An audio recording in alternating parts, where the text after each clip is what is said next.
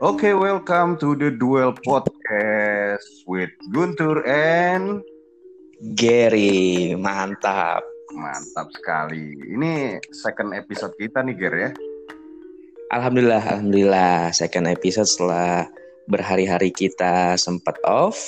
Nih yeah. kita lanjut lagi, ya kan? Betul. Supaya apa ya? Ya, WFA itu harus berkarya sih ya. Jangan sampai kita WFA terus tidak ada kegiatan, akhirnya tidak produktif ya kan?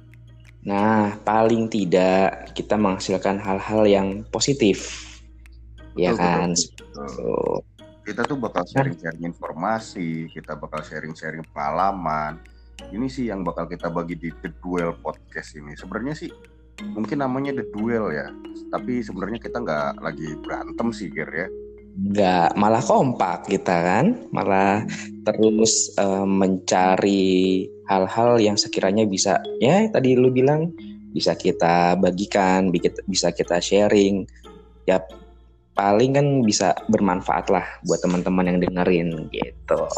Betul betul betul. Mungkin next nanti kita bisa undang narasumber atau teman-teman kita yang lain untuk berbagi informasi yang lebih luas lagi yang oh, lebih spesifik ya kan Pastinya, pastinya, pastinya kan tentu uh, dengan kita mengundang narasumber pastinya akan menambah wawasan kita juga dong. Betul, Jadi nggak dari doang, nggak nggak dari gua doang. Nanti misalkan kita mau ngebahas sesuatu ya kita akan undang narasumber yang memang ahlinya atau yang berpengalaman di bidang tersebut gitu. Berkompeten. Kita, jadi ah. dia tuh memberikan informasi yang holistik bahasanya asik holistik. Ya kayak ya kita iya kita bisa gali informasi gitu loh tur kita gali informasi apa sih maksudnya gini kita selama WFH ini juga uh, pertama udah pasti jenuh ya Tuh. kan hmm. karena kita di rumah terus dan kita tidak uh, beraktivitas seperti uh, normal sebelum adanya si pandemi ini gitu hmm. ya kita berkarya kita menyalurkan uh, hobi kita lah istilahnya. Kita senang ngobrol kita diskusi alangkah baiknya kita sharing untuk teman-teman kan gitu. Betul betul. Memang kita kan harus social distancing kita jarak dengan cara ini kita tetap bisa silaturahmi kita bisa saling berbagi juga dengan apa ya kalangan yang lebih luas lagi lah. Siapa pun bisa dengerin kita. Kalau mau buang-buang kuota boleh nonton apa dengerin kita ya kan Oke, nah kita malam ini, nah sekarang kan kita jam sekitar jam satu tiga satu empat puluh nih, satu empat puluh pagi nih waktu Indonesia Barat. Iya, makanya gini Gir, malam minggu tuh biasanya kalau di media-media lain, media-media mainstream, radio dan segala macamnya tuh biasanya cerita tentang cinta-cintaan. Nah, nah tapi kalau kita akhirnya bahas sesuatu yang creepy ya kan, yang horor. Uh Waduh, waduh, waduh, agak agak berat nih kita bahasnya bukan di dunia yang sama nih, kita bahas dunia lain nih kayaknya. Betul, betul. Kayaknya apa ya, biar biar anti mainstream aja kita kan apa ya, kita tinggal ya kita introduce juga ya. Kita ini kan anak-anak yang berasal dari Halim ya. Nah, benar, benar, benar tuh. Nah, di Halim ini tuh banyak banget urban legend yang bisa kita sharing pengalaman pribadi gue juga banyak dan pengalaman, pengalaman dari orang tua kita tuh sering cerita oh di daerah nah, ini ada ini gitu kan. Iya nah kalau boleh tahu lu tinggal di Halim berapa lama tuh? Gue tinggal di Halim tuh periode 97 sampai 2015 97 sampai 2015 hmm, lumayan ya kurang lebih berapa tuh du eh 15 tahunan lah ya. Ya, sekitar itulah. Uh -uh. Lebih 15 tahun. Gimana? Gue udah mandek nih suruh ngitung. udah malam juga. Nah kalau gue sendiri, gue tinggal di Halim itu dari gue lahir, terus sampai gue nikah, sampai gue melepas masa lajang gue. Nah kurang lebih itu gue tinggal di Halim itu sekitar 27 tahun. Wah, lebih senior dari gua lo ya. Gil, 27 tahun, Bos. Jadi gua tahu banget Halim tuh dulu modelannya kayak gimana yang masih hutan-hutan ya kan? Sampai sekarang enak. Ya? enak. Enak enak banget. oh ya oksigen yang kita hirup karena banyak pohon tuh masih enak gitu kan? Enak.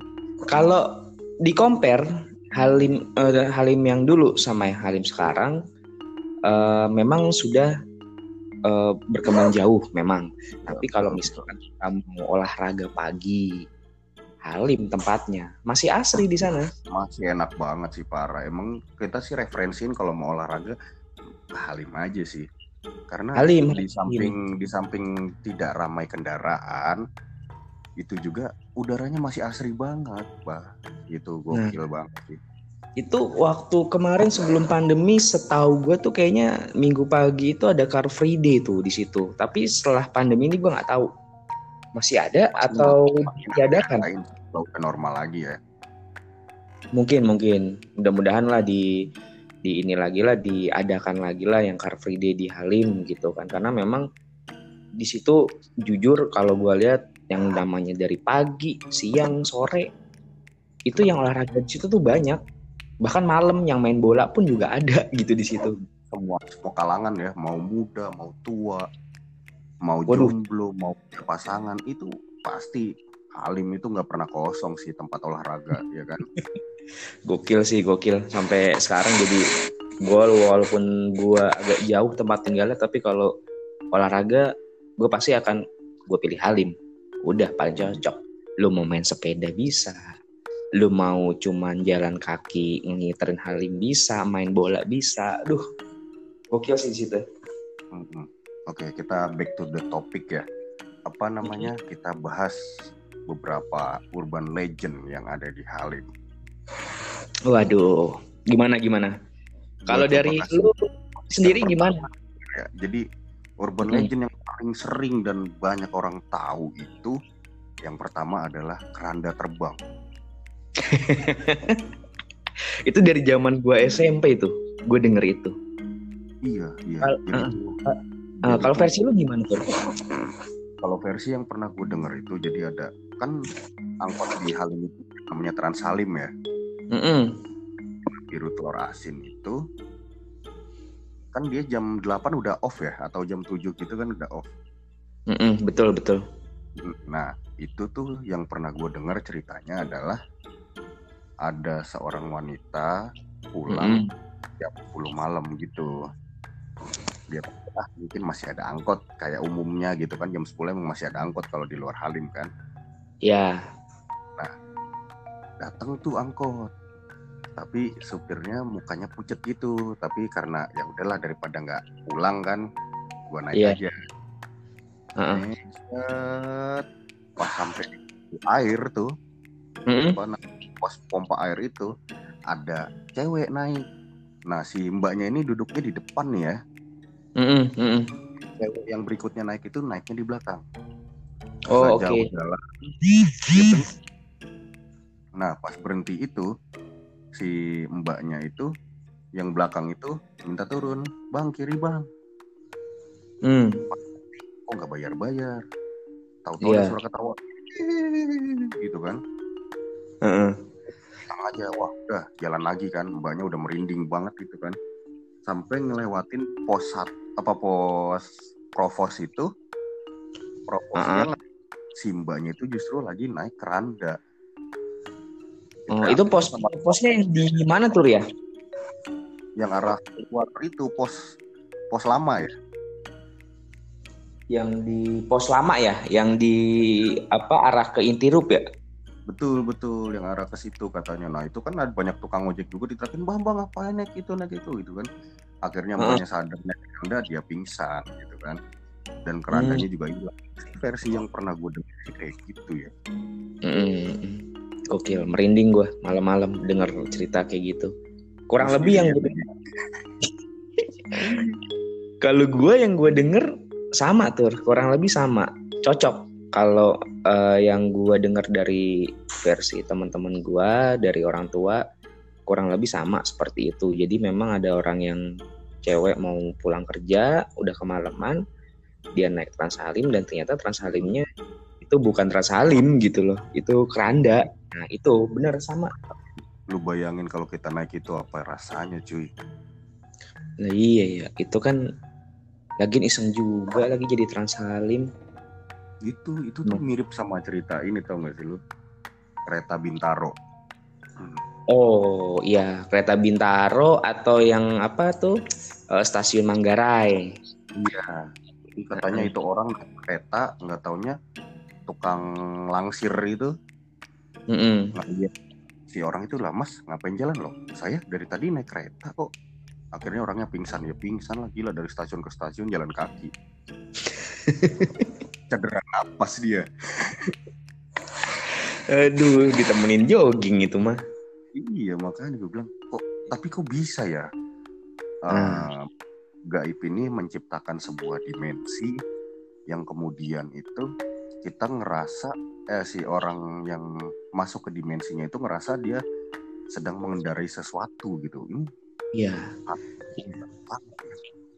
Dan dan nggak masuk logika juga gitu loh. Gimana gitu kan? Ini kan uh, keranda, tapi dibentuknya itu jadi Transhalim gitu loh. Terus mantan Transhalim kan kita tahu mobilnya itu kan Suzuki Carry yang lama itu loh yang jadul gitu kan tur.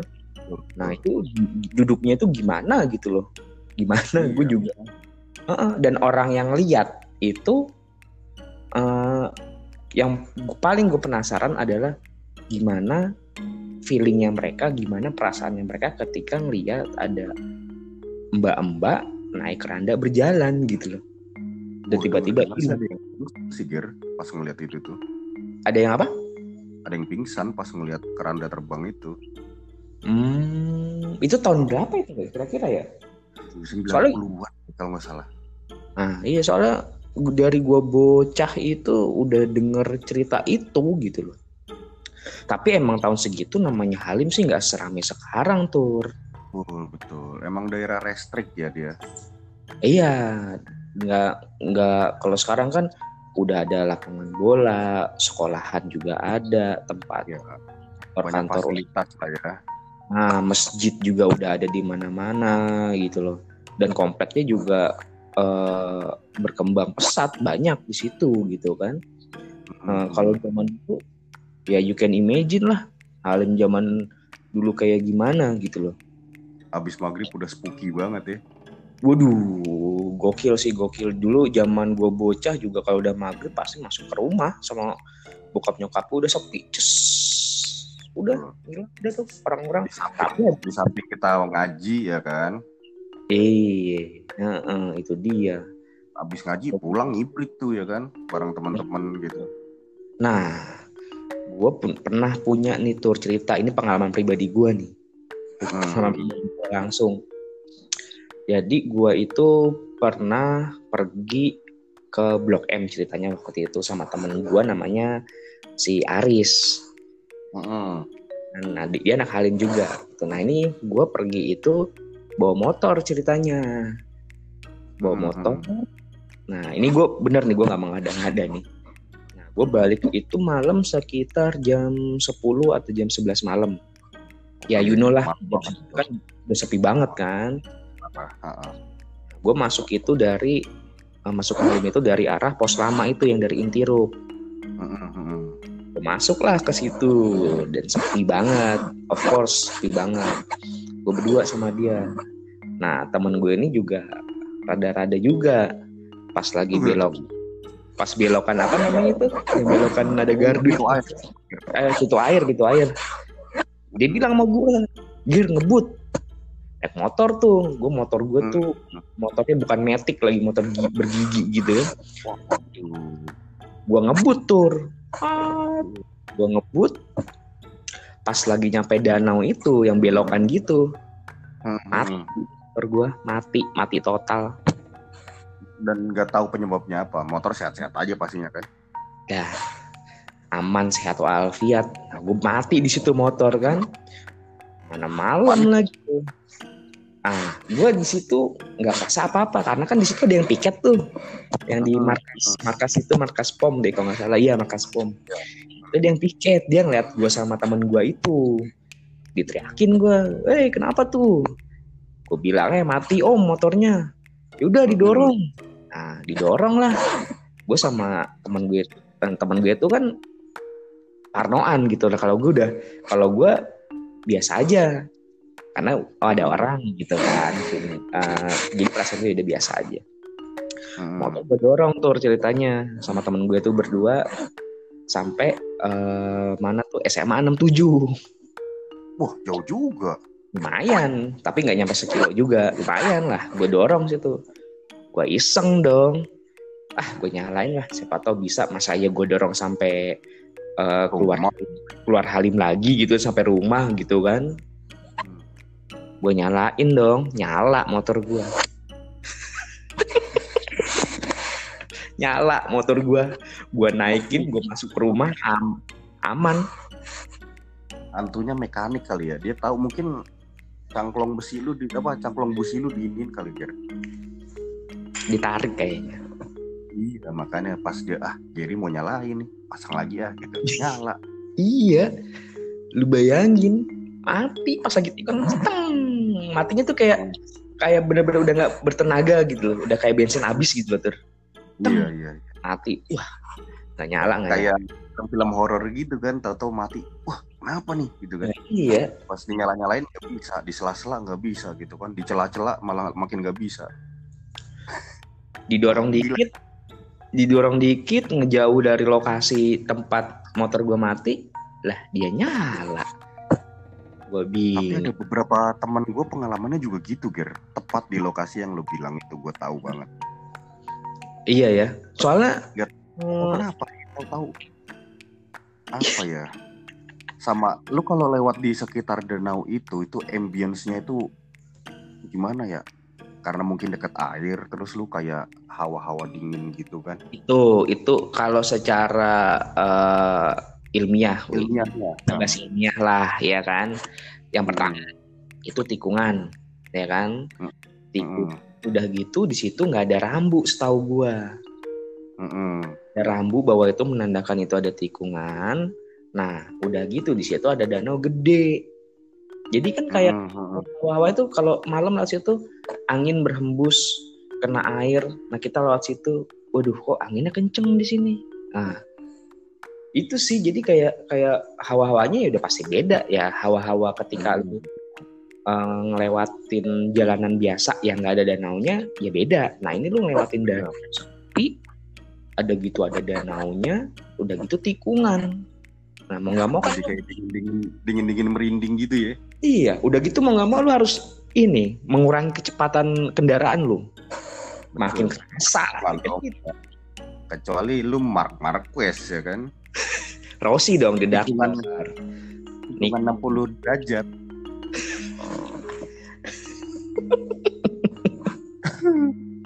Kacau sih, gue bilang, aduh ini ini pas lagi tikungan nikung-nikung gini, wah ini apa jangan-jangan bisa jago nikung cewek temen ya? Iya. Ya ampun, itu pengalaman saya, Pak. Jangan disebut dong. Aduh, aduh. Kayaknya kayaknya kalau itu lebih horor itu. lebih ditikung temen itu lebih horor daripada ketemu pocong lima biji sih kalau kata gua. Lah jelas lah. Ditikung, lu ditikungnya nggak tahu kapan.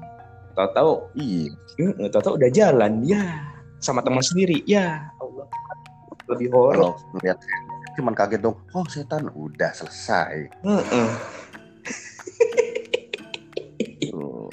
Aduh, aduh, aduh, aduh, gokil sih gokil. Tapi, tapi gini Ger, hmm, apa namanya di tempat gue dulu kan ada ini apa namanya gudang minyak gitu, tahu kan lo?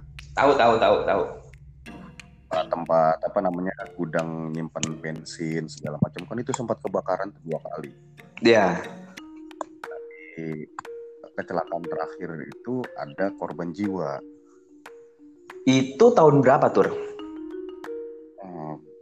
itu udah di tahun 2000-an itu Ger 2000-an ya 2000-an itu tiga nah, 2004 lah itu oh yang yang kejadian di awal-awal nggak ada korban tapi yang terakhir ada korban gitu tuh ada satu orang korban jiwa itu pun sebenarnya bukan kilangnya apa namanya bukan gudang yang meledak tapi dia pas lagi buka storage-nya itu tahu-tahu kesembur minyak panas gitu buar gitu kan hmm. jadi dia terbakar sekujur tubuh oke okay.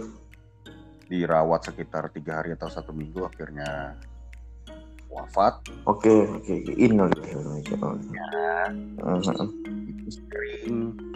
Kalau orang lewat situ malam-malam ada yang minta tolong-tolong panas panas. Hmm. nah itu tuh untuk beberapa saat jarang ada orang yang lewat situ jadinya. Oh, itu pas lagi tikungan juga lagi. Iya benar benar. Dan gue sendiri pun percaya sih maksud gue kayak kalau lu belum 100 hari wafat itu kan masih ada residu-residunya gitu loh. Iya, ha -ha, ha ya uh, kalau kata orang dulu kalau masih dalam waktu 40 hari itu orang mas itu arwah masih berkeliaran di situ gitu. Betul betul betul. Tapi kan meninggalnya di rumah sakit ya kira ya? Ya kan tapi kejadiannya penyebabnya dia di situ gitu loh. Kan penasaran nah gue balik lagi deh kok bisa? gitu kan begitu tuh kalau rumah sakit oh, iya, iya. tempatnya doang gitu. Kan kejadian perkara TKP-nya kan ada di gudang.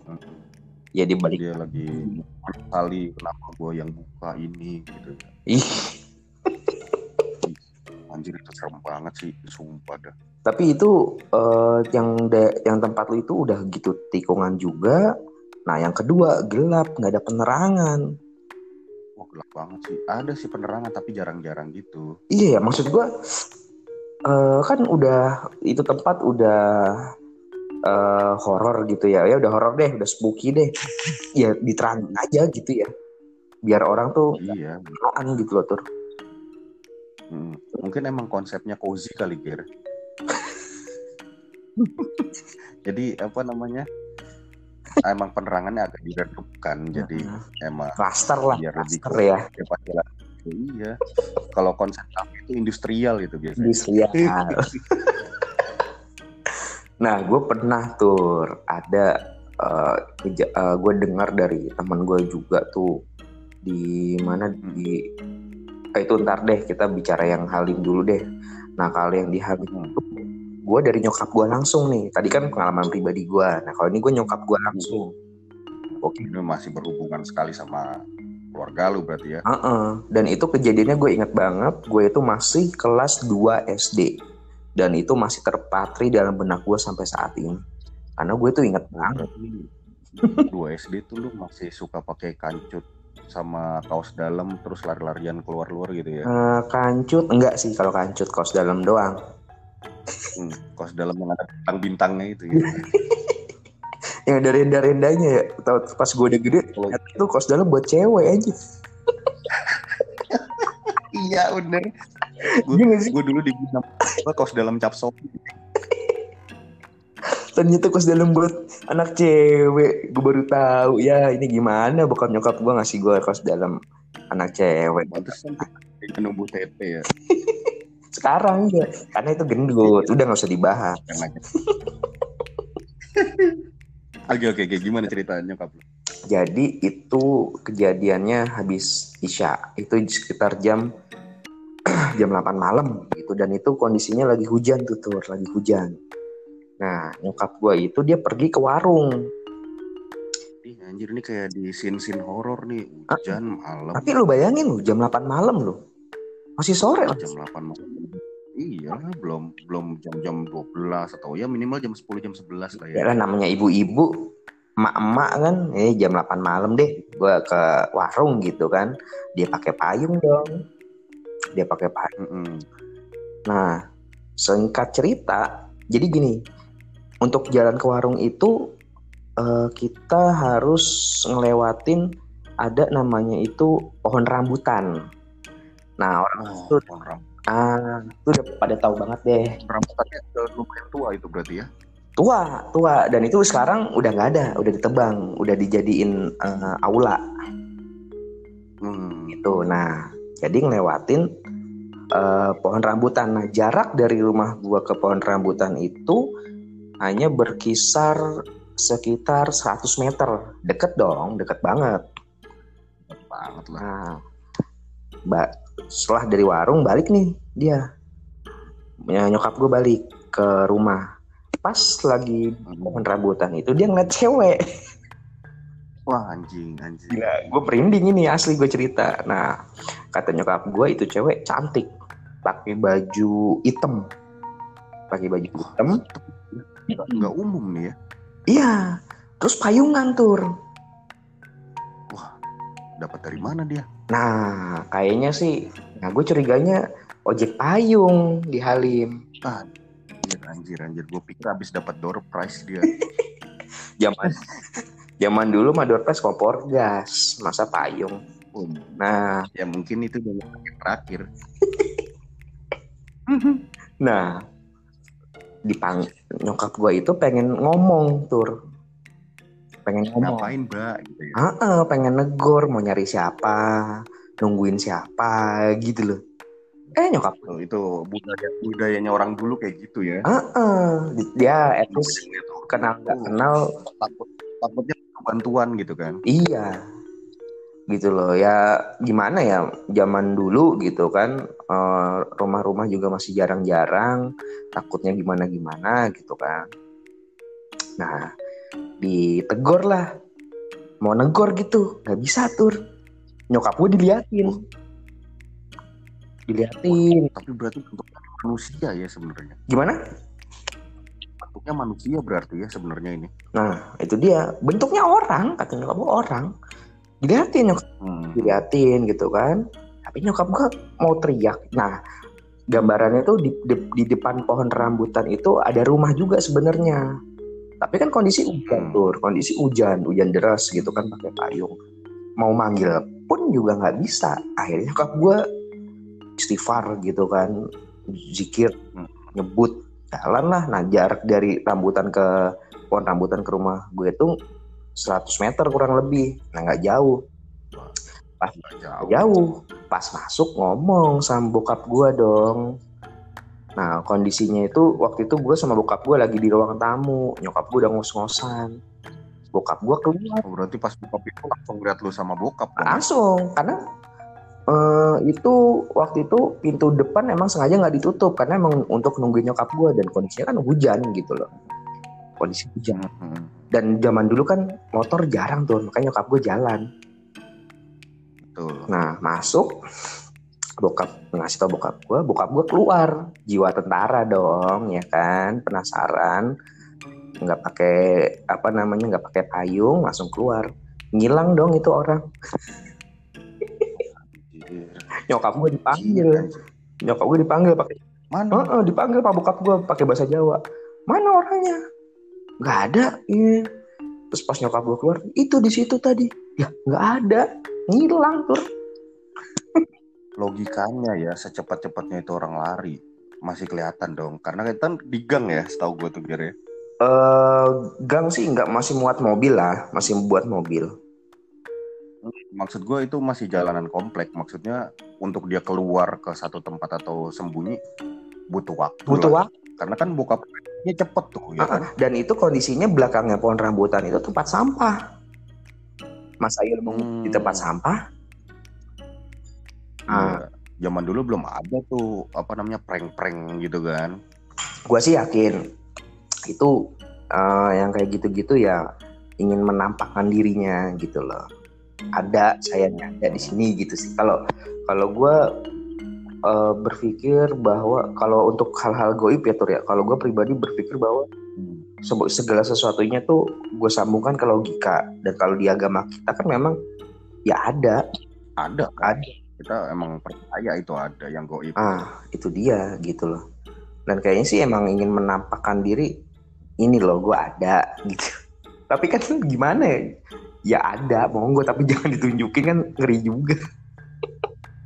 Ya itu itu parah. Gitu kalau ajarannya orang Jawa nih Ger kalau ngelihat kayak gitu disambatin aja. Iya iya. Gitu. bener bener bener tuh.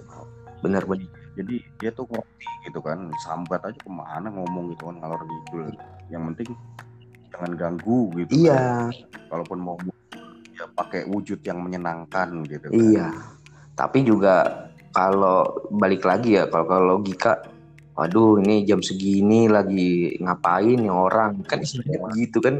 Iya. ngeri jadi ngeri sedap juga tuh niat baik nyokap lu dibalas dengan ketakutan kasihan sekali. Iya nyokap gue orang baik lagi ya kan? Aduh eh by the way lu tahu karetan kan Halim? Oh tahu tahu banget tahu banget. Itu waduh urban legendnya sih. Katanya itu kerajaan ya kerajaannya siluman lah iya, apalah iya, itu kan. katanya kan. pusatnya Halim. Katanya ya tapi gue juga nggak tahu. Dan gue juga sampai detik ini ya nauzubillah min zalik nggak pernah aneh-aneh sih di situ. Tapi kalau kecelakaan mobil kecelakaan kendaraan sering sih tuh di situ gue sering lihat. Betul betul betul. Gue juga sering sering sering, sering lihat di situ. Uh -uh karena kan yang pasti entah mungkin karena sepi kali jalan. Nah, orang kan mau nggak mau memacu kendaraannya untuk lebih cepat. Jadi kurang hati-hati orang-orang. Logikanya ilmiahnya seperti itu. Udah gitu jalanan bagus. Pertama, kedua itu ada polisi yang tidur di situ. Hmm. Jadi kenceng-kenceng gitu loh. Polisi tidur, hmm. polisi yang tidur, polisi tidur gitu. Hmm gitu Iya, mungkin aja ada polisi yang tidur kan, nggak boleh tidur, boleh aja. Boleh aja, tapi jangan di jalanan juga. Jangan di jalanan juga dong, iya. Tapi Halim tuh uh, buat gua itu menarik. Uh, terus itu yang pertama, yang kedua itu ngangenin. Yang ketiga, walaupun mistis seperti apa pun, gue tetap cinta gitu loh karena apa? Satu-satu buat gua tur ya. Satu-satunya di hmm. Jakarta yang kagak macet kayaknya Halim doang. Benar, benar banget, benar banget itu. Iya gak sih? Dan itu apa ya? Uh, ekosistem di situ tuh cocok banget untuk kita ngegedein anak gitu bener. kan untuk bertangga itu tuh kayak yang stabil banget di situ. Bener bener bener karena uh, di situ kan orang yang tinggal di situ kan orang usia produktif. Artinya orang yang udah pensiun kan harus pindah dari situ tuh. Nah, jadi regenerasinya itu berjalan dengan sempurna kalau buat gue ya. Udah tidak berjalan dengan baik lagi tapi berjalan dengan sempurna. Regenerasi sempurna banget sih. Regenerasinya jelas terus untuk lu misalkan lu berkeluarga, lu punya anak juga jelas gitu loh. Hmm nih Ger gue tuh gue punya cerita juga hmm. dan ini di rumah gue itu beberapa kali kejadian mistis tuh kejadian dialamin oleh hampir semua anggota keluarga gue di rumah lu nih di rumah gue dan di sekitar rumah hmm. gue cerita yang paling ringan dulu lah hmm. rumah gue pernah kemasukan ular oke okay. tam ya kita kan pikir wah ini kobra kayaknya hmm. nyokap gue dikejar dikejar dikejar kerambat ke tembok Ui. Nah ularnya nembus tembok cuy hmm. logikanya gimana caranya ular nembus tembok nembus dia tembus tuh nembus dan hilang udah gitu aja nembus dan hilang udah kok dia dia kok milih rumah lu ya apa wah ini jangan-jangan kandang gorila nih teman-teman gue gitu. Wah, iya ya. Kenapa dia milih rumah gue? iya kan aneh. Wah ini ada guntur nih gorila yang gue masuk gitu. Tapi terlepas dari terlepas dari itu ular warna hitam atau apa, dia bisa nembus tembok. Gokil sih buat gue. Itu tembus tembok nih. Temboknya itu mengarah ke mana tuh?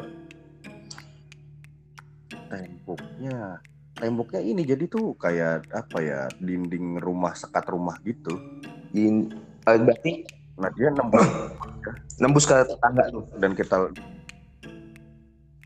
iya iya betul betul.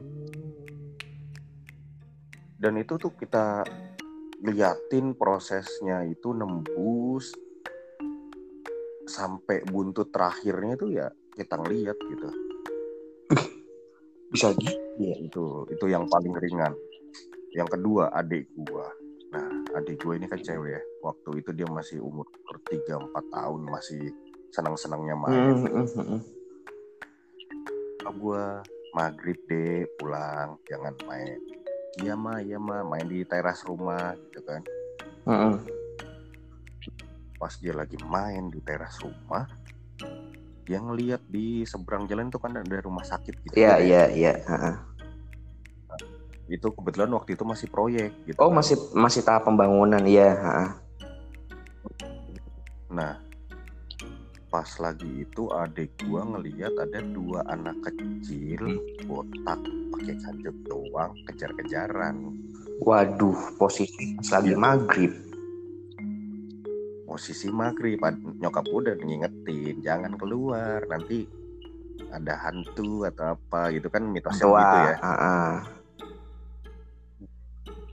nah akhirnya adik gue ngeliat itu adik gue kan ya namanya anak kecil kan belum tahu bentuk hantu tuh kayak gimana apa gimana yeah. ya kan? Dia lihat dia liatin. Ah, sampai akhirnya si makhluk dua botak itu ngeliatin adik gue sambil nyengir itu nyengirnya bertaring adik gue lari ke dalam. Itu padanya langsung meriang biar anjir itu parah sih. Gila ya. Tapi ya itu kan ya bisa kita bilang tuyul lah itu Nah kalau hmm. tuyul juga penggambarannya pun sejauh yang gue tahu sampai saat ini memang menyeramkan dan bertaring tur. Iya betul betul betul makanya valid sih kalau gue bilang ya anak umur segitu kan belum apa ya untuk apa berbohong karena dan abis itu adik gue sakit hmm. demam dia semalaman hmm, tuh. Hmm, hmm, hmm. Tapi gokil juga ya anjir tuyul jam segitu. Biasanya kan malam gitu kan dia beroperasi ini pas maghrib gitu. Itu mungkin masih warming up. Iya. Udah lu ke mana? Latihan latihan lari. Ya, kejar kejar gitu kan.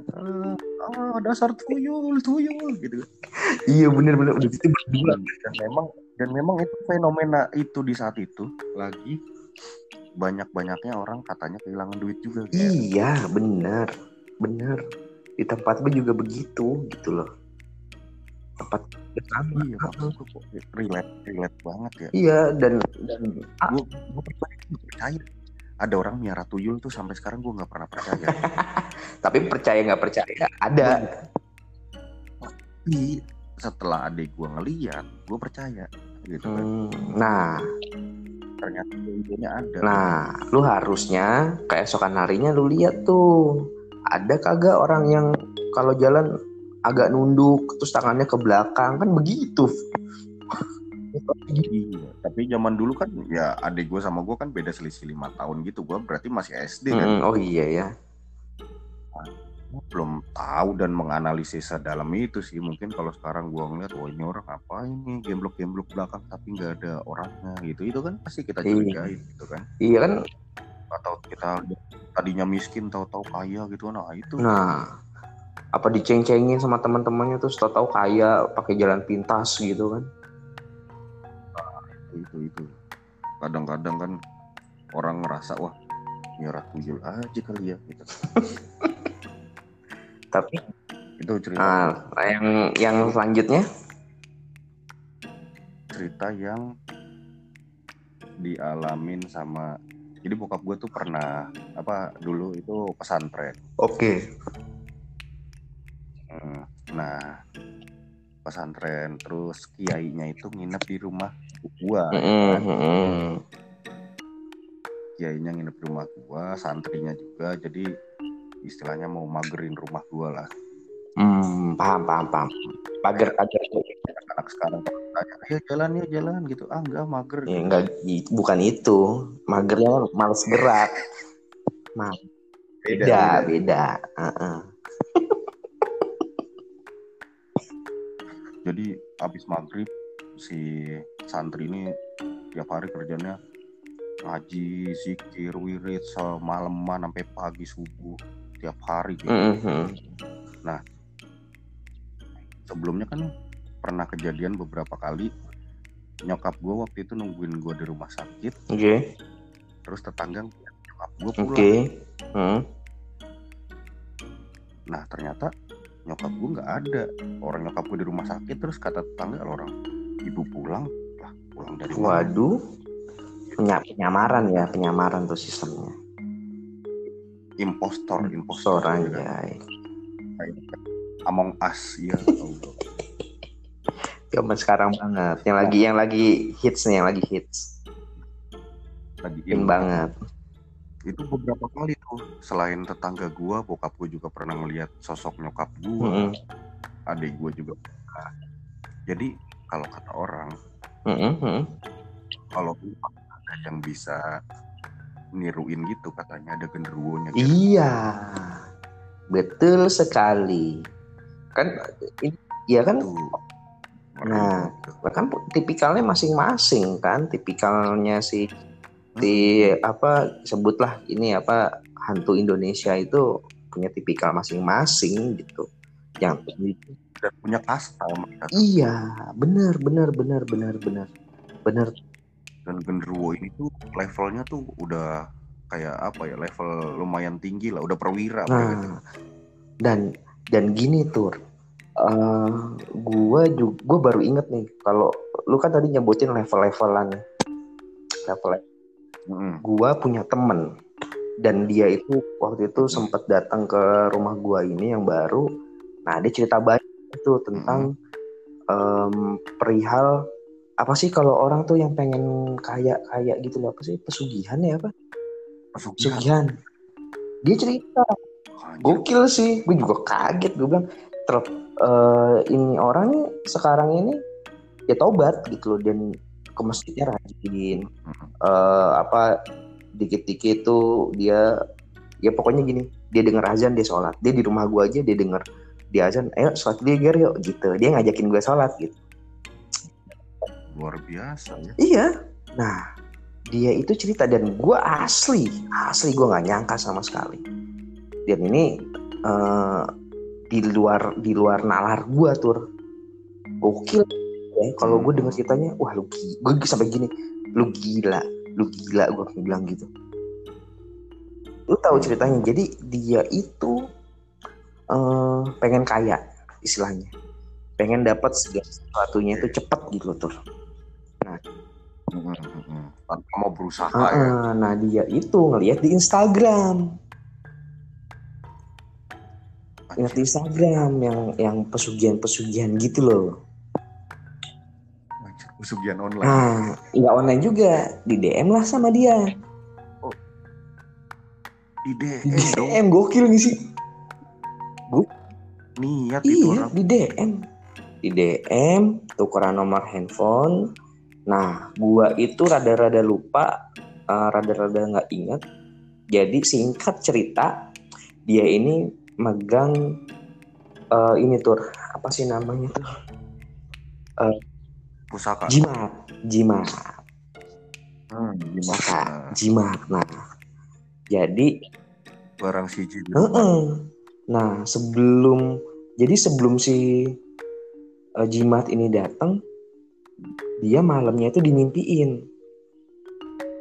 Dia dimimpiin digigit ular.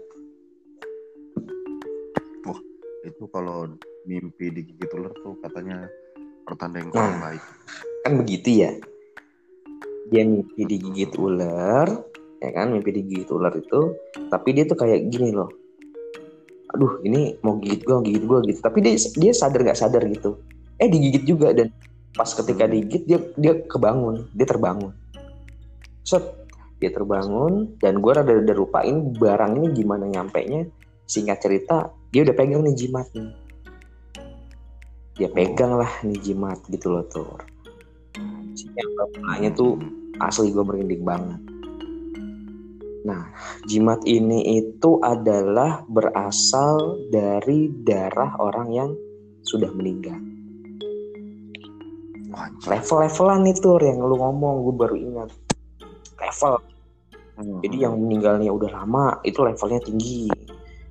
Yang meninggalnya baru-baru ini ya sedeng lah, apalah gitu loh. Gue nggak paham deh gitu. Emang orang, yang meninggalnya udah lama masih masih bisa diambil darah Nah. mungkin belum jadi tulang mungkin ya. itu dia lah. Itu itu yang gue nggak paham gitu kan ya namanya namanya dukun gitu kan istilahnya. kebetulan kita bukan praktisi dukun jadi nggak paham, paham. lah ya Nah kan kayak kayak gitu kan di luar logika lah ya kan di luar nalar gitu. Nah dia dap dia ini dap itu bentuk jimatnya kayak gimana kira bentuk jimatnya tuh gimana? kertas terus habis itu di ada tulisan. dilipat nah itu ada tulisan-tulisan mantra itu berasal dari darah orang yang udah meninggal oh pernah dengar uh -uh. jadi jadi terus, terus. Uh, dia itu mesti gini loh tur dia mesti apa namanya uh, malam Jumat itu dia mesti ngasih sesajen. Jadi kejimatnya itu. Nah lu ngasih makan sesajennya itu yang pasti menyan. Terus habis hmm. itu apa namanya tuh kopi, kopi hitam. hitam. Kopi hitamnya manual brew atau pakai mesen di kafe tahu gua warkop di depan dah nah itu tuh nah. Apa Vietnam drip Gak gua dong. Nah jadi setiap malam Jumat itu dia ngasih sesajen tur. Hmm. sajennya itu harus dalam kondisi gelap. Rumah dimatiin lu harus setel lagu-lagu Jawa. Oh, oh ini kenapa harus lagu Jawa? ngerti. Nah si teman gua ini dia tidur di situ. Dia kasih sajen di situ di ruang kamu dia bakar menyan dia setel lagu Jawa dia tidur. Nah ketika kondisi tidur kata dia dia itu merasa bahwa ada tamu datang. Gokil gak sih merinding gak sih? Anjir anjir itu orang main-main sama gaib iya. cuy. Gila dan dan yang datang siapa nggak iya. tahu ya kan dan dia tuh ngerasa gini loh lu gimana sih lu tidur terus ada orang datang ya lu kan ngerasa ada orang gitu dan dia Nah, dan dia tuh katanya ngintip-ngintip gitu. Dia kebangun, dia ngintip, dia buka mata. Itu jadi kayak ada kayak ada party di situ, kayak pesta. Dengan, dengan alunan lagu Jawa. Iya gila lu. Apa lu nggak sem?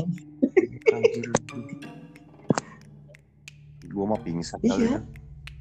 Nah percaya nggak percaya kata dia, itu kopi habis. Wow, wow, wow, wow. Gue bilang dong. Itu sih katanya. Iya, nah, gue bilang dong. Namanya kopi nih kan panas tuh. Gue bilang kan hmm. menguap kondisinya. Otomatis kan akan berkurang dong. Ini air apa namanya uh, isi airnya dicangkir. Enggak, Ger, habis. Tinggal ampasnya doang.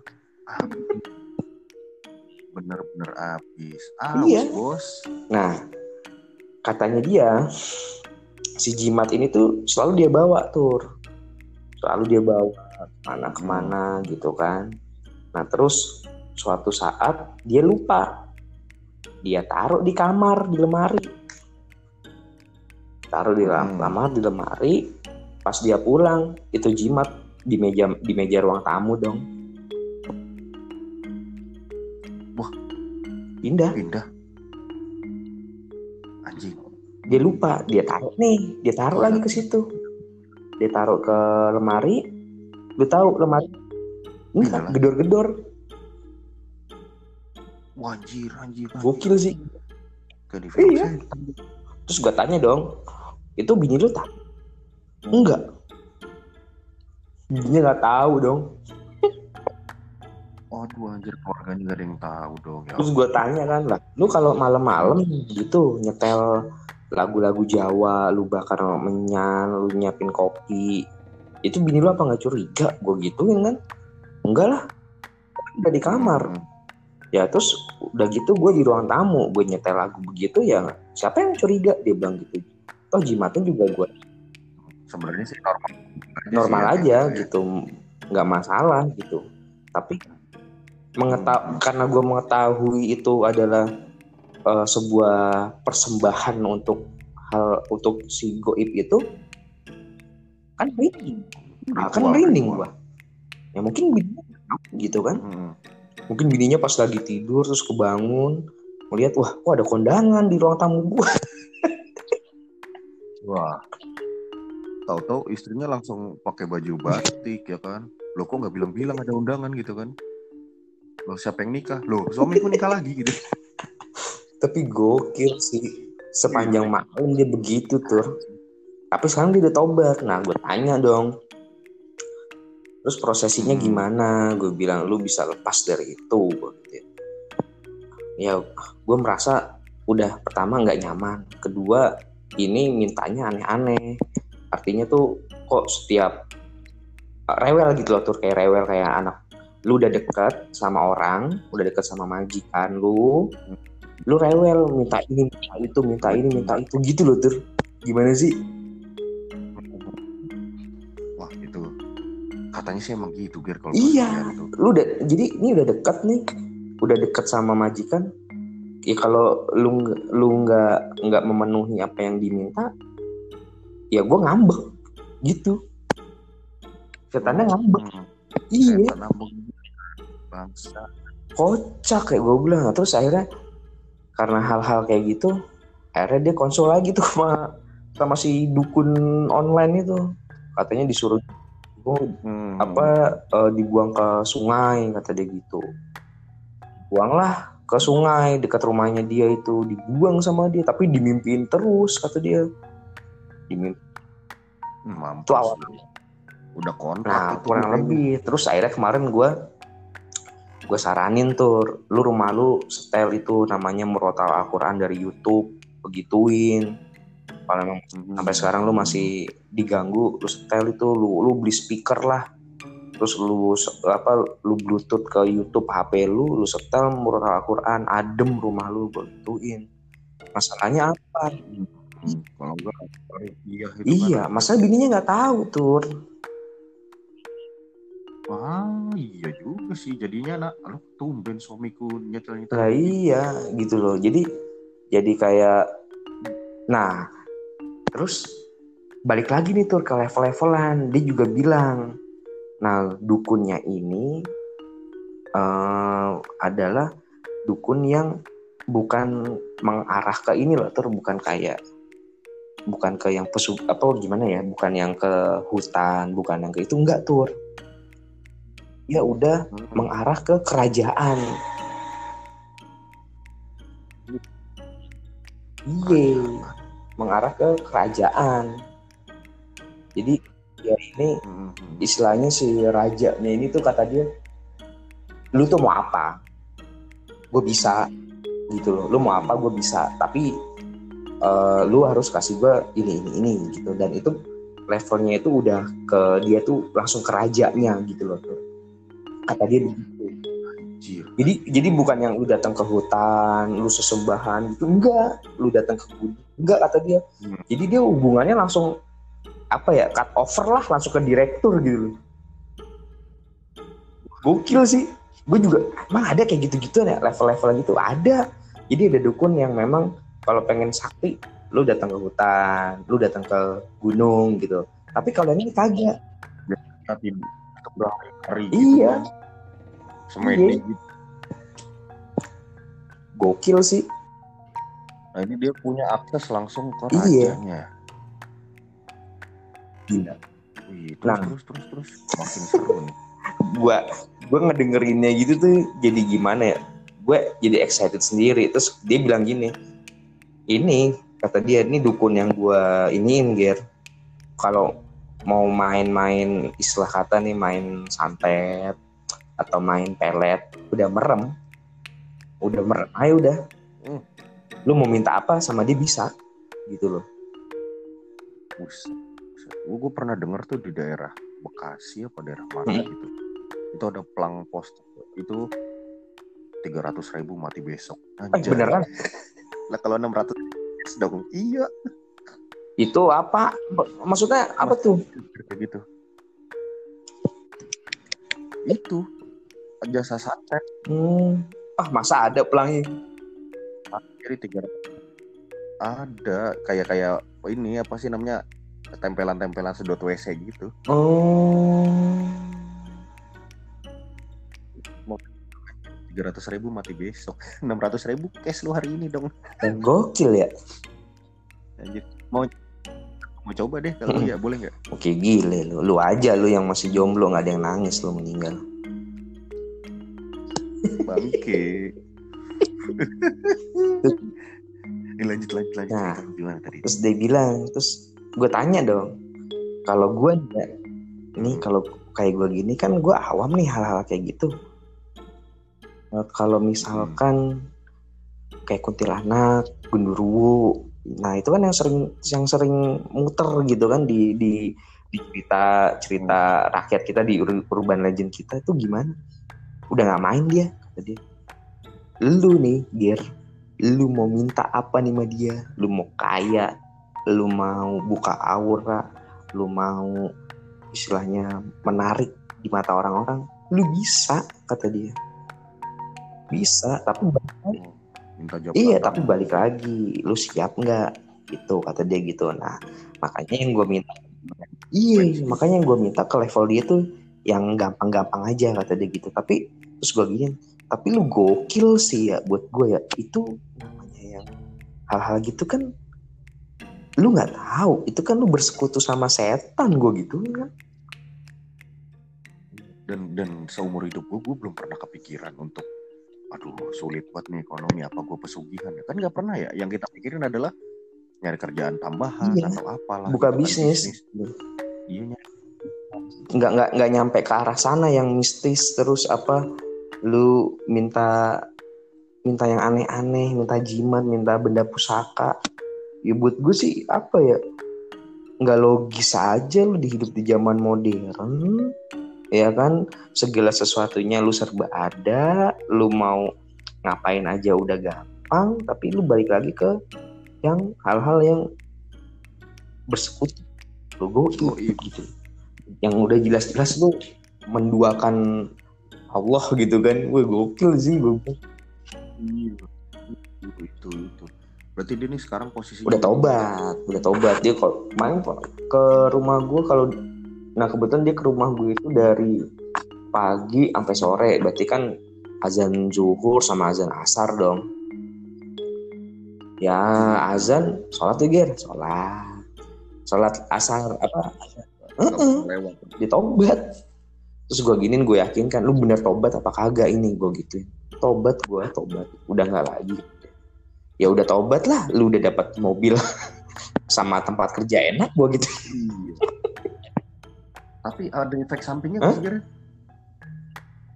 Ada efek sampingnya? Kalau yang gue lihat sih enggak sih orangnya oh baik-baik aja. Gue lihat sekarang. Fine. Setahu gue tuh sekali lo bekerja sama dengan setan tidak akan berhenti sampai lo mati nah, sih. Itu dia. Nah kata dia gini. Makanya gue cari dukun itu yang mainnya level-levelan. Jadi gini loh tur sebelum dia melakukan itu dia observasi dulu. Gokil nggak sih? Anjir, iya, iya jadi dia nggak nggak serta merta gue buka IG gue cari dukun online gini gini gini. Enggak dia observasi dulu. Apa sih dunia goib huh? berarti dia ngecek testimoni dong ya? Iya. Kayak kayak iya. shop gitu ya? Dunia apa namanya bersekutu dengan setan syirik itu gimana goib itu apa gini gini gini. Oh ternyata ada level-levelnya. Oh seperti ini. Oh gue iya. Observasi dong kayak ya elah kayak sarjana apa master anjir. Ini mau bikin skripsi apa tesis? Iya, mau bikin skripsi. Iya. itu, itu. nah dia itu dapat kesimpulan bahwa oh kalau gua main yang level bawah dengan efek yang efek maksudnya gini efek ke guanya mungkin nggak begitu nggak cepat tapi gue juga ngasih sesajennya juga nggak ribet gitu loh ter. Dia yang begitu. Jadi istilahnya tuh berlaku di peraturan kegoipan itu ada uang ada barang. Pasti. Gitu kan? logisnya gitu ya. Kalau kalau di kita begitu ya. Lu mau bagus ya lu harus keluarin duit yang banyak gitu lah. Nah gitu. Nah ternyata di dunia jadi jadi menarik? Boleh minta kontak. Hmm. Lu kan udah punya apartemen. Oh iya. Duh, iya, walau belum nah, mobil Nah, ini temen gua itu dia punya mobil. Di hmm. kerjaannya dia dia udah enak banget deh. Gua ngeliatnya udah wah lu gila sih. Istilah kata gini, dengan dengan persaingan di kantornya dia yang sedemikian rupa dari awal lu masuk kerja sampai sekarang itu katakanlah itu dia udah kurang lebih 10 sampai 12 tahun. Gak digeser hmm, dong. Hmm, hmm. Masih di posisi yang sama. Dan gue yakinkan dan gue pastikan bahwa dia itu enak tempatnya. Ada aja. Hmm. Gaji numpang lewat Tempat. Iya. Uh -uh. Tapi dia kalau keluar juga uh, santai sih, nggak nggak menonjolkan dia tuh ini gue nih punya ini, gue punya ini enggak. Orang dia tapi gue yakin orang-orang kayak gitu tuh bakal balik lagi ke dunia itu sih. Insya Allah enggak sih. Gue sih makanya gue bilang, udahlah, gue bilang Stella itu, lu udah punya anak, gue gituin kan ngapain lu main gitu-gituan. Lagian juga kalau kerjaan lu kayak begini kan udah jelas nanti ke depannya kayak gimana. Iya juga sih kata dia gitu. Makanya gue kagak mau main-main gitu lagi. Gitu. Tapi karena setahu gue yang kayak gitu tuh minta tumbal. Nah, itu dia. Nah, sebelum kejadian sebelum dia cerita-cerita begini kan dia ngajak-ngajakin gue ke tempat-tempat yang begitu tur. Lo gue kagak oh. gue kagak berani. Gak mau gue. Iya. Gak, gak, gak logis juga lah apa sih kalau lu ngajak buka usaha masih lu pikirin iya. pasti kan ini ngajak begitu iya anjir. orang dia pernah ini kok pernah mandi kembang tujuh rupa di mana tuh di di pem, enggak apa gunung di daerah sini daerah-daerah Bekasi gitu jadi ada ada makam makam apa sih keramat, dia gitu mandi di situ. Ya kan gokil ya. Sa singit singit gue bilang. Dilakuin sama dia. Nah, gue gua lanjutin hmm. cerita gue kir. Yang hmm. rumah gue nih itu pas satu hari gue lagi sakit dirawat nyokap juga di, ru di rumah sakit hmm. sama gue santrinya itu ngaji tahu-tahu ada angin kenceng gitu bau bunga mm -hmm. Terus nggak tahunya pas dia nengok mm -hmm. ke belakang lihat pocong mm. gedenya itu atap kainnya udah lusuh mukanya hitam mm -hmm. paling gua bikin gua excited itu ekspresinya si santri mm -hmm. ini kir dia nengok ke belakang terus uh tak kira apa terus dia lanjut lanjut ngaji lagi. Anjir cuman gitu doang. Setan setannya bete dong ini gitu ya. Tak apaan? Uang dong tidak ya. sering dia ya? Iya mungkin dia kan karena santri pesantren gitu udah biasa kali ngeliat-liat ah setan iya itu setan gitu kan atau, atau sebelum dia masuk rumah lu memang udah diliatin tur. Oh ada ini. Oh ada ini. Hmm. dia udah ngeliat gitu. Jadi pas dia nongol ah lu lagi. Ngaji lagi. Betul betul betul. Bisa jadi. Nah kalau pengalaman gue pribadi di rumah mm -hmm. itu tuh gue ada dua kejadian yang gue alami mm -hmm. banget tuh. Pertama pas lagi takbiran gue gantungin ketupat mm -hmm. di dapur kan. Cuman gue jadi gue gantungin itu di dekat gudang gitu kan. Nah kan mm -hmm. tuh gudang. Nah gue liatin kok kayak ada yang wah lu gila. ngeliatin gila gue bilang gue gantungin gue selesaiin gue kabur ke hmm. ruang tengah. Gue bilang sama kamu pak ada hantu mah. Di mana? Uh. gudang. Oh terus lu tak ya takut lah oh ya udah. Udah gitu doang dong anjir anjir. Kan gue merinding ya. Terus bokap gue cuma gitu hmm, doang. Ya. oh ya udah ya udah dong hantunya cuma numpang nongkrong tuh Iya, kan banyak tempat nongkrong lain, ngapa di gudang, bos ya kan?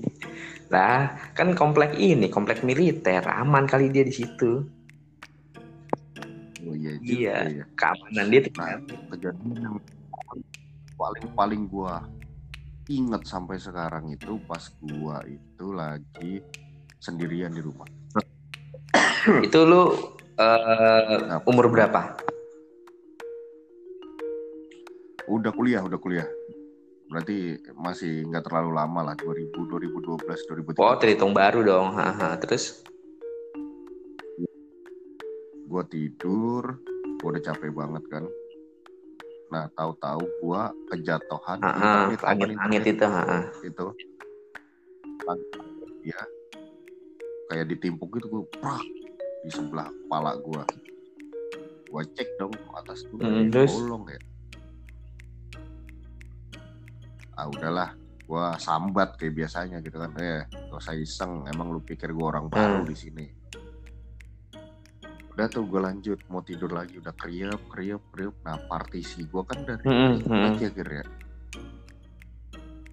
Digebrak brak dicakar krek brak krek brak krek tiga kali. Gue hmm. kejar dong. Gue nah, pikir kucing.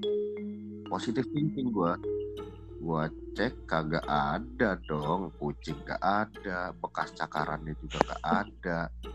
Akhirnya lu tahu apa? Apa? Gue tidur di toko. Sialan lu. Sampai nyokap gue pulang anjir. Gue takut banget anjir gitu setan. Gue sambil sambil jalan ke depan tuh gue ngomel-ngomel setan lu. Gue lagi tidur digangguin lu pikir gue orang baru. Tapi gue sambil jauh jalan gue takut. Tapi emang coba kalau lu jadi tapi emang coba? uh, apa ya suasana di sana tuh karena gini loh tuh rumahnya gede-gede di hal itu iya, jadi iya. kayak dan rumah iya rumah gitu. jadi gini uh, kayak rumah kalau kalau itu rumah Halim ya dikomersilkan ya. Kita berandai-andai dikomersilkan dengan tanah. Kayak kuningan bukan kuningan sorry. Kayak kayak daerah-daerah di kini menteng gitu loh tuh. Menteng. Itu iya, itu benar-benar. Iya bisa mm-an dengan harga tanah yang sekarang rumah-rumah komersil gitu gila loh lah orang rumah gua yang di Halim aja itu bisa muat tiga mobil. Iya iya iya. Gue juga kok di tempat gue tuh masih mau tiga mobil nah. kamar ada tiga. Kalau gue mau bangun lagi kamar nah. empat juga bisa. Itu sangat tapi emang rumah rumah, rumah tua. rumah tua. Memang kita akui gitu kan itu rumah rumah tua gitu kan. Kita nggak tahu nih dulu bekas apa masuk kayak gitu bekas apa? Itu ibu set makanya gue bilang wah ini sih nggak bukan kaleng kaleng makanya ya istilahnya yang dulu yang apa Halim sama Lubang Buaya kan berdampingan kan yang kisah tragis apa G30 SPKI itu kan. Lu bisa bayangin dulu Halim kayak gimana. Itu, itu sangat secara secara secara geografis kan eh bukan secara geografis secara ini kan itu hutan belantara gitu. Dan itu jadi tempat tinggal kita men. Nah itu tuh ada urban legend juga di depan mm -mm, jalan raya tuh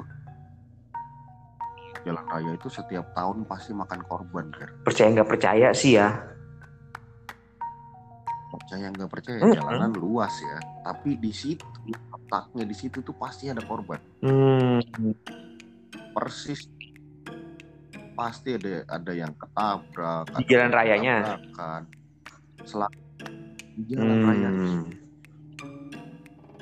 konon katanya di jalan raya sepanjang jalan raya itu dulunya kuburan katanya tapi jalan raya gede gitu ya iya, tapi iya.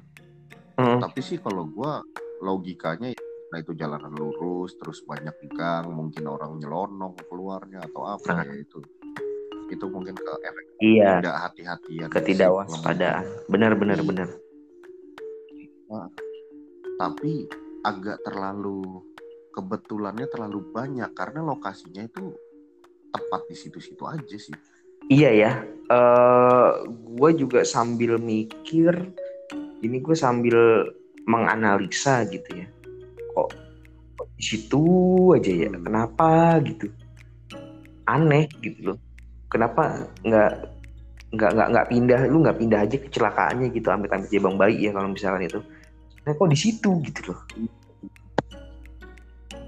geserlah 100 meter dikit ke sono gitu kan atau apa itu. Mm-hmm. situ sih tapi memang rada-rada juga sih di situ. Ya kalau kita bicara ilmiah balik lagi memang itu jalanannya uh, jalur ngebut sih tur.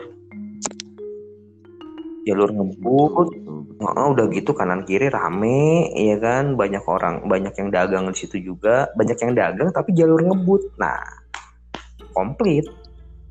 Ya yang di itu uh, yang dituntut ya kehati-hatian kewaspadaan dari si pengemudi itu sudah pasti. Itu tapi parah parah. Lo ada cerita kalau gue yang ada sih gue punya temen. Punya temen dia di, tinggal di uh, Bekasi. Tinggal di Bekasi. Jadi dia ini hmm. orang tajir lah gue gak mau nyebutin deh dia orang orang tajir. Dia sebelah dia tinggal sebelah sama om tantenya tur. Nah om tantenya ini pengusaha tajir juga dong. Karena kan satu satu satu apa namanya itu satu wilayah lah rumahnya nih. Nah temen gue ini dia punya rumah adem asik gitu. Nah, om tantenya ini tuh ini sih gokil sih ya buat gue ya. Nongolin jadi si si si penunggunya rumah tuh nongolin gitu loh. Lu mau sholat dia jadi makmum. Lu mau sholat tahu-tahu dia jalan di depan Anjir. ada di sajadah. Lu kan gokil ya. Astagfirullahaladzim itu asli merinding gua. Kadang-kadang di meja makan uh, apa nongol gelas ada di mana dipindahin. Jadi benar-benar benar-benar benar-benar menampakkan gitu loh dan benar-benar iseng gitu. Nah iya. itu mas setannya. Nah singkat cerita jadi rumahnya itu dua lantai tuh ini buat buat deskripsi lo ya. Jadi rumahnya itu dia dua lantai. Nah di atas itu dia ada satu bukan satu ruangan sih. Jadi ada satu kamar nah di situ tuh ada tempat untuk make up si ibunya itu si istrinya si tantenya itu gitu loh. Pusatnya di situ tuh. Hmm. Gak ada tante Erni bukan? Nomor satu bangsa dong lo lo lo iya tante gokil terus iya, habis iya. itu si ustadznya itu datang. Dia pengen merukyah gitu. Merukyah si, si omnya hmm. si tantenya si tantenya sama anak-anak Hah? ngebersihin rumahnya uh -uh. sama ngebersihin rumahnya juga nah dirukyah lah itu katanya ketika dirukyah anaknya itu mm -hmm. uh, dia ada punya anak empat empat apa tiga gitu gue lupa dirukyah semuanya hmm. yang paling parah nyokapnya waduh itu si hmm. nyokap anak si tantenya berarti. Muntahnya tuh muntah darah hmm. itu yang pertama. Sebelum muntah dia nyanyi nyanyi anjir. Wanjir apa itu efek karena dia dengar suaranya dia jelek? Di Rukia nah anak-anaknya itu muntah muntah biasa. Ini si ibunya ini uh -uh, muntah darah. Gokil.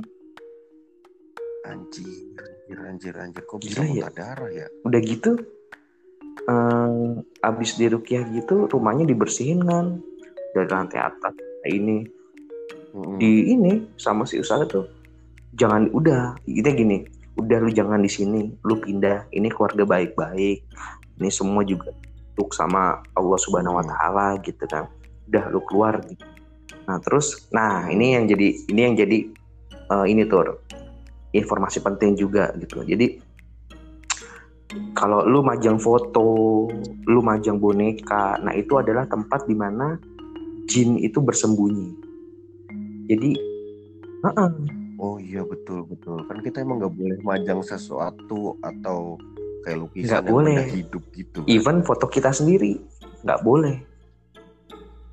Betul. Nggak boleh. Gak nah boleh. itu foto kita, terus uh, boneka-boneka. Nah itu nggak boleh tur. Kata ustadznya gitu jadi sebagai kata temen gue ini hmm. ini informasi buat lu kata dia gitu lu janganlah jadi med jadi mediumnya setan ya nah tadi kan gue bilang tuh yang ke temen gue yang pesugihan itu yang jimat-jimat itu kan udahlah lu setel murotal Al-Quran nah gue tuh dapat info dari temen gue kalau bisa rum rumah lu diinin ger hmm. di setel murotal Al-Quran rumah lu jadi adem nolak bala dia bilang gitu. Iya iya. Hmm. lebih bagus sih kita ya, ya. Itu lebih bagus banget. Buat gue ya buat gue sih apa ya uh, ke, pas lagi gue dengar cerita itu di Rupiah bener apa kagak sih kalau di Rupiah gue gitu kan sama teman gue nah teman gue ini juga frekuensi sama gue tuh jadi gini hal-hal goib itu buat dia tuh ada tapi ya kalau ketika muncul ya itu logika aja. Nah ketika dia ngelihat kejadian itu nyebut mulu dia nyebut terus istighfar dia gila di depan mata kepala gue sendiri kata dia gitu. Oh, tante gue di hmm. ya rumahnya dibersihin dan itu semua nyata kata dia. Nyata. Sekarang dia bilang gini sekarang kalau rumah mau dijual. Rumah itu mau dijual ger. Siapa yang mau beli? Kata dia gitu. Siapa yang mau beli? Kagak ada. Mau jual rumah. Jual rumah dengan harga murah dua lantai. Apa orang yang mau beli kagak curiga? Kata dia gitu kan pasti curiga. Iya. makanya ya udahlah jalan terakhir di rupiah gitu kan dan itu gue ngelihat mata kepala gue sendiri kata dia. Gokil sih gue bilang. Gila gila, dia itu setipe sama gue Allah bukan Allah apa sih nggak siapa hmm. ya ada gitu. Tapi ya kita kita masukkan ke logika gitu loh. Nah dia tuh uh, dia ngeliat terus sendiri dengan di proses rukyah itu. Gokil. Nyebut dia nyebut dia zikir. Waduh takutnya dia pindahkan gitu kan tuh. Itu yang penuh. Itu serem banget. Jangan sampai pindah. Serem asli serem. Gue ngedengernya jadi dah dah gue gak mau denger lagi anjir terus gue tak itu akhirnya gue gini karena gue penasaran kalau boleh tahu ya gue bilang gitu itu yang hmm. di situ apa aja gue tanya gitu hmm. lu mau denger lu, lu mau tahu Hmm. Itu yang namanya kuntilanak ada, yang namanya gundurwo ada. Astagfirullahaladzim. Tuyul juga Tuyul juga Wah gila. Oh, gila bisa gitu. Ah, ya gue bilang gila sih. Gila, gila gue bilang ini ini apa namanya jadi jadi waktu lagi sholat itu kuntilanak iya. balik di depannya nongol Astagfirullah. Kadang Astagfirullah. Iya, kadang ngikutin jadi ya. makmum. Terus pindah ke depan, sabi. Waduh, waduh, iya. Gitu. Jadi benar-benar nongolin gitu, iseng gitu. Iseng. Dan dan dan siapa? Ustadznya pun mengakui. Mengakui oh ini memang kuat gitu loh, apa hmm. energinya mereka tuh kuat kata dia. Jadi katanya kayaknya ini levelnya gini ya. Kalau uh, itu sih gue nggak paham. Tapi kata dia energinya kuat. Artinya kalau dia bilang energinya kuat banyak tuh. Banyak di situ. Hmm, hmm. oh banyak banyak wah. Satu aja jadi nah, itu dia. banyak ya. Terus katanya sih ya ada sih yang baik kata teman gue ada. Nah itu nggak nggak diusir tapi yang diusir yang yang iseng-iseng kata dia gitu. Bisa. Ya tapi kan yang baik nanti ya itu dia. ya kayak di kelas aja lu baik ya kan? Iya sok suci lo bilang-bilang PR gini gini gini. Bilang aja ya. Gitu. biasa di udah udah mau pulang pakai nanya-nanya lagi lu gitu kan. Iya. Sok pinter tapi gitu. banyak sih ya. Iya. maksud gue wah kita kalau mau ngupas hal-hal kayak gini sih apalagi kalau kita ngomongin halim banyak banget lah yang dulu suster. Nggak ada habisnya. Lu inget kalau dulu suster ngesot lah mister gepeng lah iya iya iya iya, iya. dan sampai sekarang memang masih ada kata ponakan gue ada om ya hmm. dari om gue dalam hati gue dari om masih SD masih ada aja itu apa mitos-mitos itu gue bilang banyak sih Ngesot aja. Nggak dibeliin kursi roda apa gimana gue? Nah, zaman hmm. udah skateboard. Tapi kan pincang. Gitu. oh iya. Tapi gokil sih. Zaman zaman udah kayak gini gitu. Ya kita nggak lepas sih dari hal gitu sih tuh. Gitu sih. Ya. Ada, ada, ada, ada, ada, ada. Gua dan gue apa ya di agama sudah disebutkan ya kita percaya ada gitu kita berdampingan sama mereka tinggal kita menyikapinya seperti apa kan kayak gitu nggak boleh takut nggak boleh takut nggak boleh uh -uh. ya kan kita takutnya sama ya Allah kan? Takut sama. Uh -uh. jangan ya kalau di istilahnya ginilah kalau kita ditauin ya ya jadikan pengalaman gitu. Tapi kan amit-amit ya. Amit-amit gitu apa ini jam 3 ngomongin beginian tur tur aduh gue udah makin merinding sih Ger kayaknya kita udahin aja di podcast kita hari ini gua iya nih harus siap-siap sholat apalagi besok hari kan? eh besok ini udah masuk hari minggu nah hari waktu minggu kita dong. banyak buat olahraga lah buat melepas penat setelah apa hari apa pekan yang panjang lah istilahnya Hmm. Betul, betul, betul. Banyak kan demo, banyak demo ya gua kan? mau ke sono ke sini ada demo, demo ini aduh horor banget ya lah, pekan yang horor lah. Hmm. Iya, iya pakai iter pakai kalah, horor lagi, sialan. Waduh, ter lawan Milan lagi kalahnya. Boleh lah kalah lawan apa Sassuolo nggak apa-apa. Sama Milan. Sama Milan itu loh. Itu aib. Males gue nontonnya juga politik sih. Wah, covid covid kagak boleh main lah. Ya kayak gue bilang banyak yang kagak main main andalan ya udahlah terserah dah mau kalah juga. Bodoh amat bisa jadi alasan. Bisa deh bisa dibales di next iya dong. Oke. Okay. Pertandingan lah ya. Oke okay lah, Tur. Kita sudah ini satu jam lebih ya. Ya, tutup podcast kita. Nggak berasa. Tapi kalau ngomongin kayak gini-gini nggak berasa ngegas mulu pasti udah. Iya iya bener.